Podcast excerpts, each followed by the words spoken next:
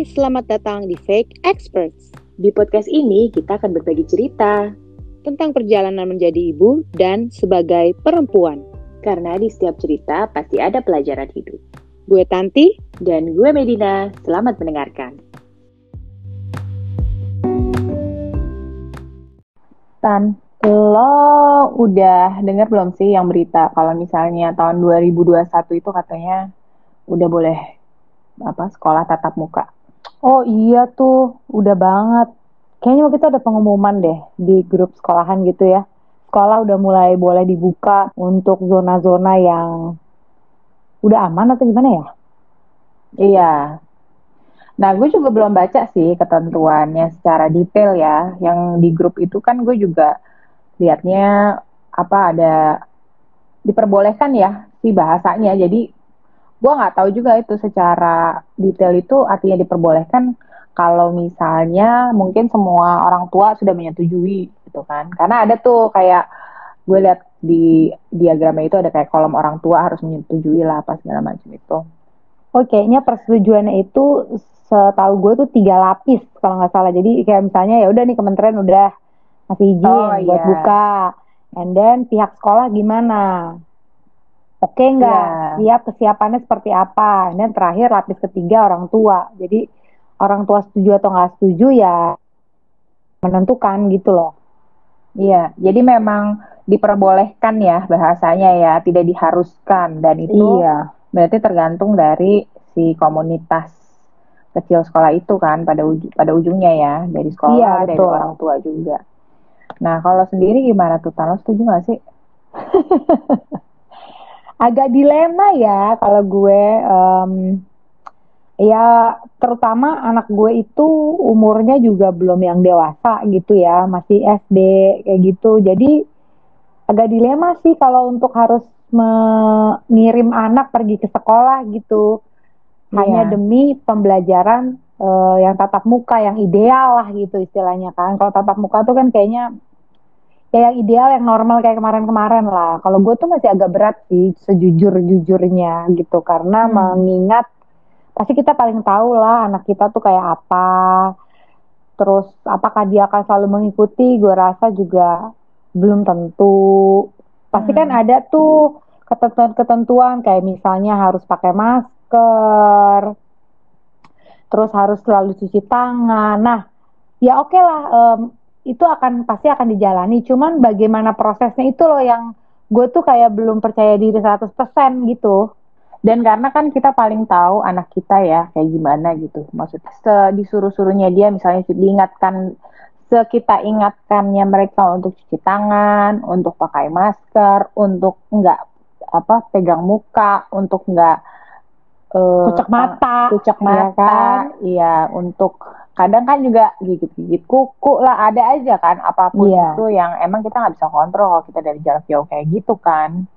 Eh, iya benar bukan yang nggak percaya sama guru sih gitu cuma eh, gue tahu anak gue sih lebih ke aspek itunya jadi gue tahu anak gue di rumah pun eh, gue tidak bisa tuh terus-terusan mengingatkan dan make sure 100% bahwa mereka nggak akan melakukan hal-hal itu gitu atau justru akan melakukan protokol yang sesuai setiap saat dan itu yang menurut gue eh, nggak kebayang ya untuk saat ini nggak kebayang kalau misalnya mereka kita lepaskan gitu aja tuh akan seperti apa sih di sekolah gitu. iya benar belum kalau keseruan ketemu temen pasti namanya anak-anak gak usah anak-anak kita aja kalau ketemu temen tuh kayaknya Iya. happy banget excited banget gitu kan Mm-mm. kadang mungkin ya karena orang tua karena misalnya sudah dewasa mungkin lebih bisa saling mengingatkan ya gitu kan. Tapi kalau anak kecil kayaknya concernnya tuh nggak di situ gitu loh Em, ya kan. Apalagi anak SD mungkin kalau kuliah kayak gitu mungkin udah lebih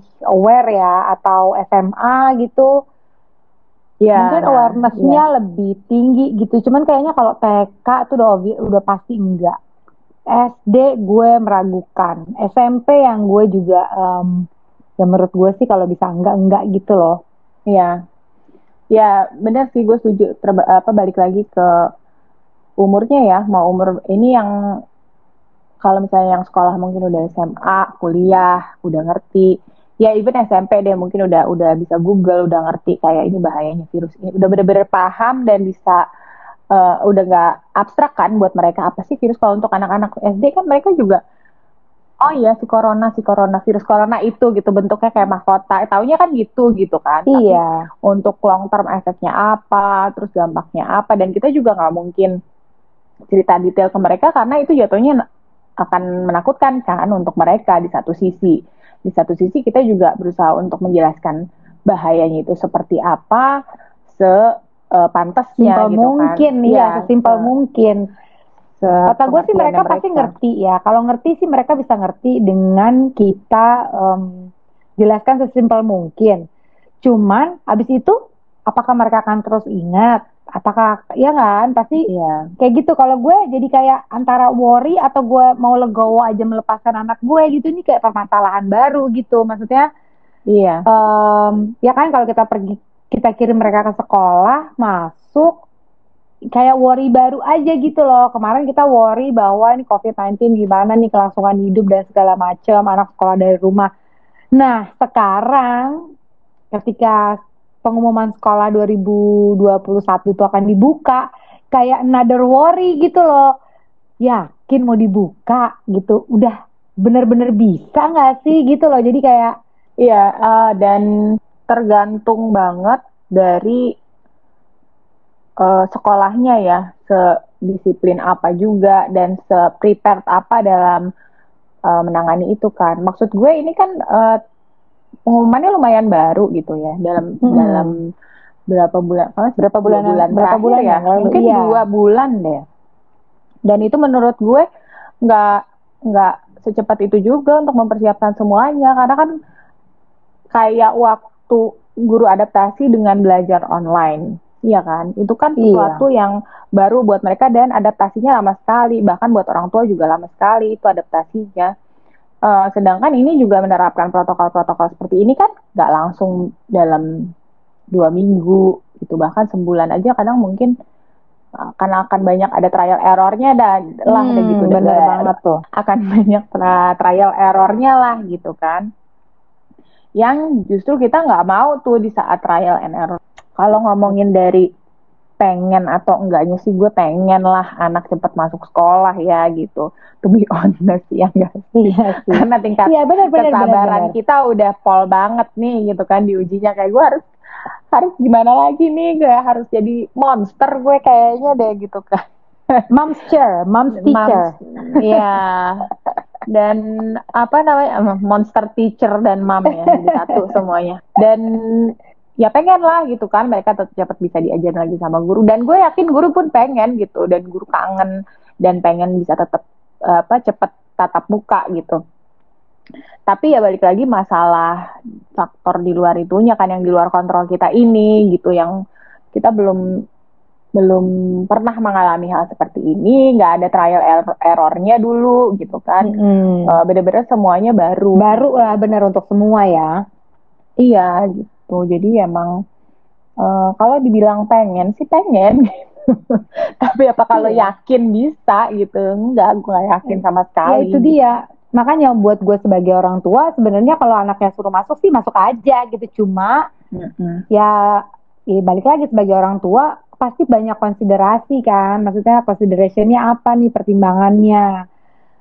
Iya, ini kan kita di rumah lebih repot, tapi anak kesehatan tuh aman atau ya. uh, hanya demi kelancaran belajar ya udah kita merelakan itu deh gitu. Uh, iya.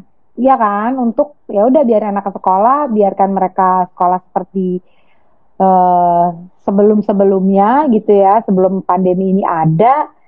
Tapi ya itu ya. Soalnya ya. pilihannya mau sekolah lancar atau mau anak sehat sih gitu. Iya. Masalah keinginan dan seharusnya kali ya. Iya, benar, benar. Keinginan benar, sih benar. ingin gitu. ingin deh. Kebutuhan kalau dibilang kalau dibilang kebutuhan juga butuh sih. Butuh masuk. iya, butuh. Karena kan lu juga oh gitu mental health gue gimana nih gitu. Tapi ya balik lagi gitu. Apalagi dengan pandemi ini kan selalu digaris bawahi bahwa it's not about you gitu loh. It's about other people ya kan. Lu juga nggak mau merugikan orang kita tinggal satu rumah dengan ber, ber uh, berbagai macam orang gitu kan ada suami ada anak yang lain gitu apalagi lo dan gue yang tinggalnya sangat berdekatan dengan orang tua gitu jadi kan memang Iya, betul. itu hal-hal yang harus kita pertimbangkan banget lah gitu uh, efeknya Iya betul sih. Menurut gue jangan sampai kita sebagai individu orang tua yang punya anak nih jadi saling menyalahkan gitu. Kayak eh, mungkin kalau masuk, taunya ada yang sakit sekolahnya nggak benar misalnya, kan nggak bagus juga tuh gitu loh. iya Maksudnya eh, ya concernnya bener-bener nggak hanya buat individu dan keluarga kita, tapi sebenarnya buat semua sih gitu. Dan kita kan juga nggak bisa menurut gue kontrolnya itu nggak di kita lagi ketika kirim anak ke sekolah gitu maksudnya iya. orang tua lain mungkin concernnya berbeda dengan kita gitu kan? Iya benar. prinsipnya mungkin bisa berbeda dengan kita. Jadi kayak eh, area of concernnya tuh udah terlalu luas kalau menurut gue. Jadi agak susah ya gitu. Maksudnya untuk menerima tetap jawabannya masih dilema sih gimana ya? Iya, benar. Eh dan gak semudah itu aja sih menurut gue ya, terutama satu belum ada vaksin. Eh kedua, ini adalah hal yang ini bukan setahun loh gitu. Orang banyak yang orang banyak yang berpikir ketika vaksin itu datang, that's it, udah it's God gitu. Mhm, Kenyataannya mhm. nggak seperti itu.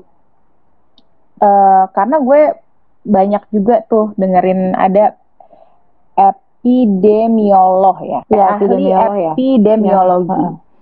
Jadi eh apa namanya dia selalu bilang tuh bahwa lu jangan berpikir ini cuma setahun ini doang terus udah ada vaksin terus kelar gitu. The virus is not going anywhere gitu. Itu akan agak akan terus ada gitu dan eh, untuk penyebaran si vaksinnya sendiri itu distribusi vaksinnya sendiri itu akan membutuhkan bertahun-tahun. Jadi lo harus persiapkan diri lo buat itu gitu. Jadi lower your expectation juga. Jangan lu pikir, oke 2021 kita bisa, uh, Oke, free," iya, gitu betul. kan. Kayak Bebas, ujung bener-bener balik ngapain segala macam. usai Iya, semuanya nih ya gitu. kan gitu ya gue berpikir yang sama sih gitu bahwa Iya. eh, nggak bisa tergantung di satu itu aja gitu kayaknya nggak nggak Mm-mm. semudah itu juga kan gitu untuk em, akhirnya bisa langsung merasa bebas kembali seperti sedia kala kayak gitu-gitu ya nggak sih? Kayak pasti ada pelan-pelan butuh proses kayak gitu-gitu. Jadi gue butuh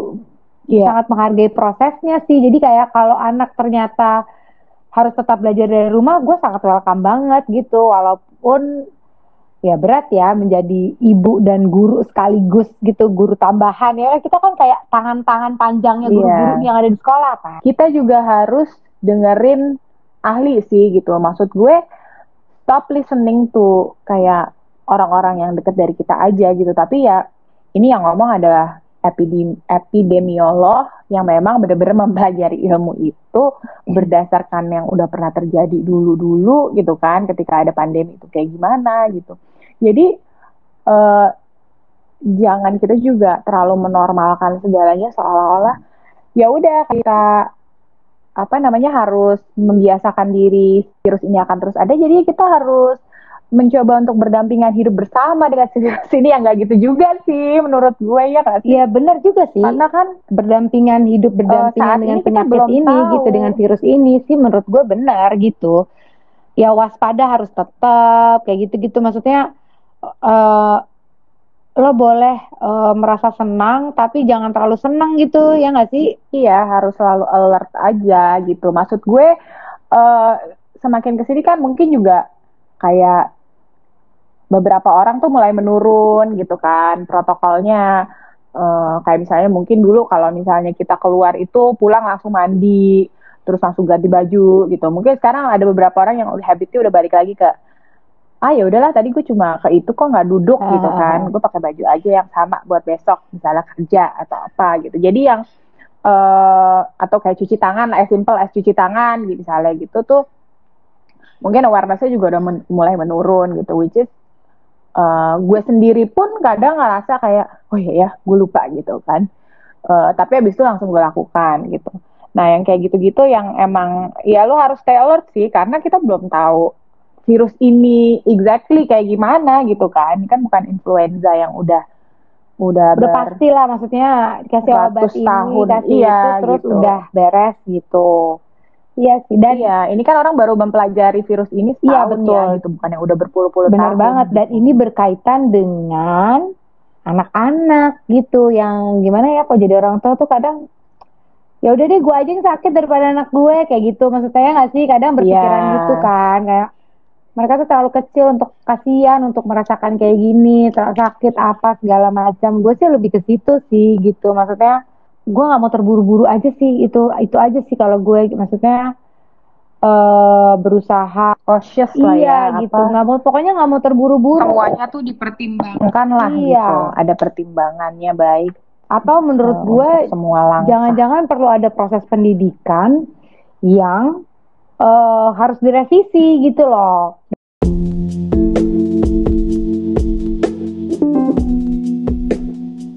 Please subscribe our podcast Fake Experts and follow our Instagram at fake.experts.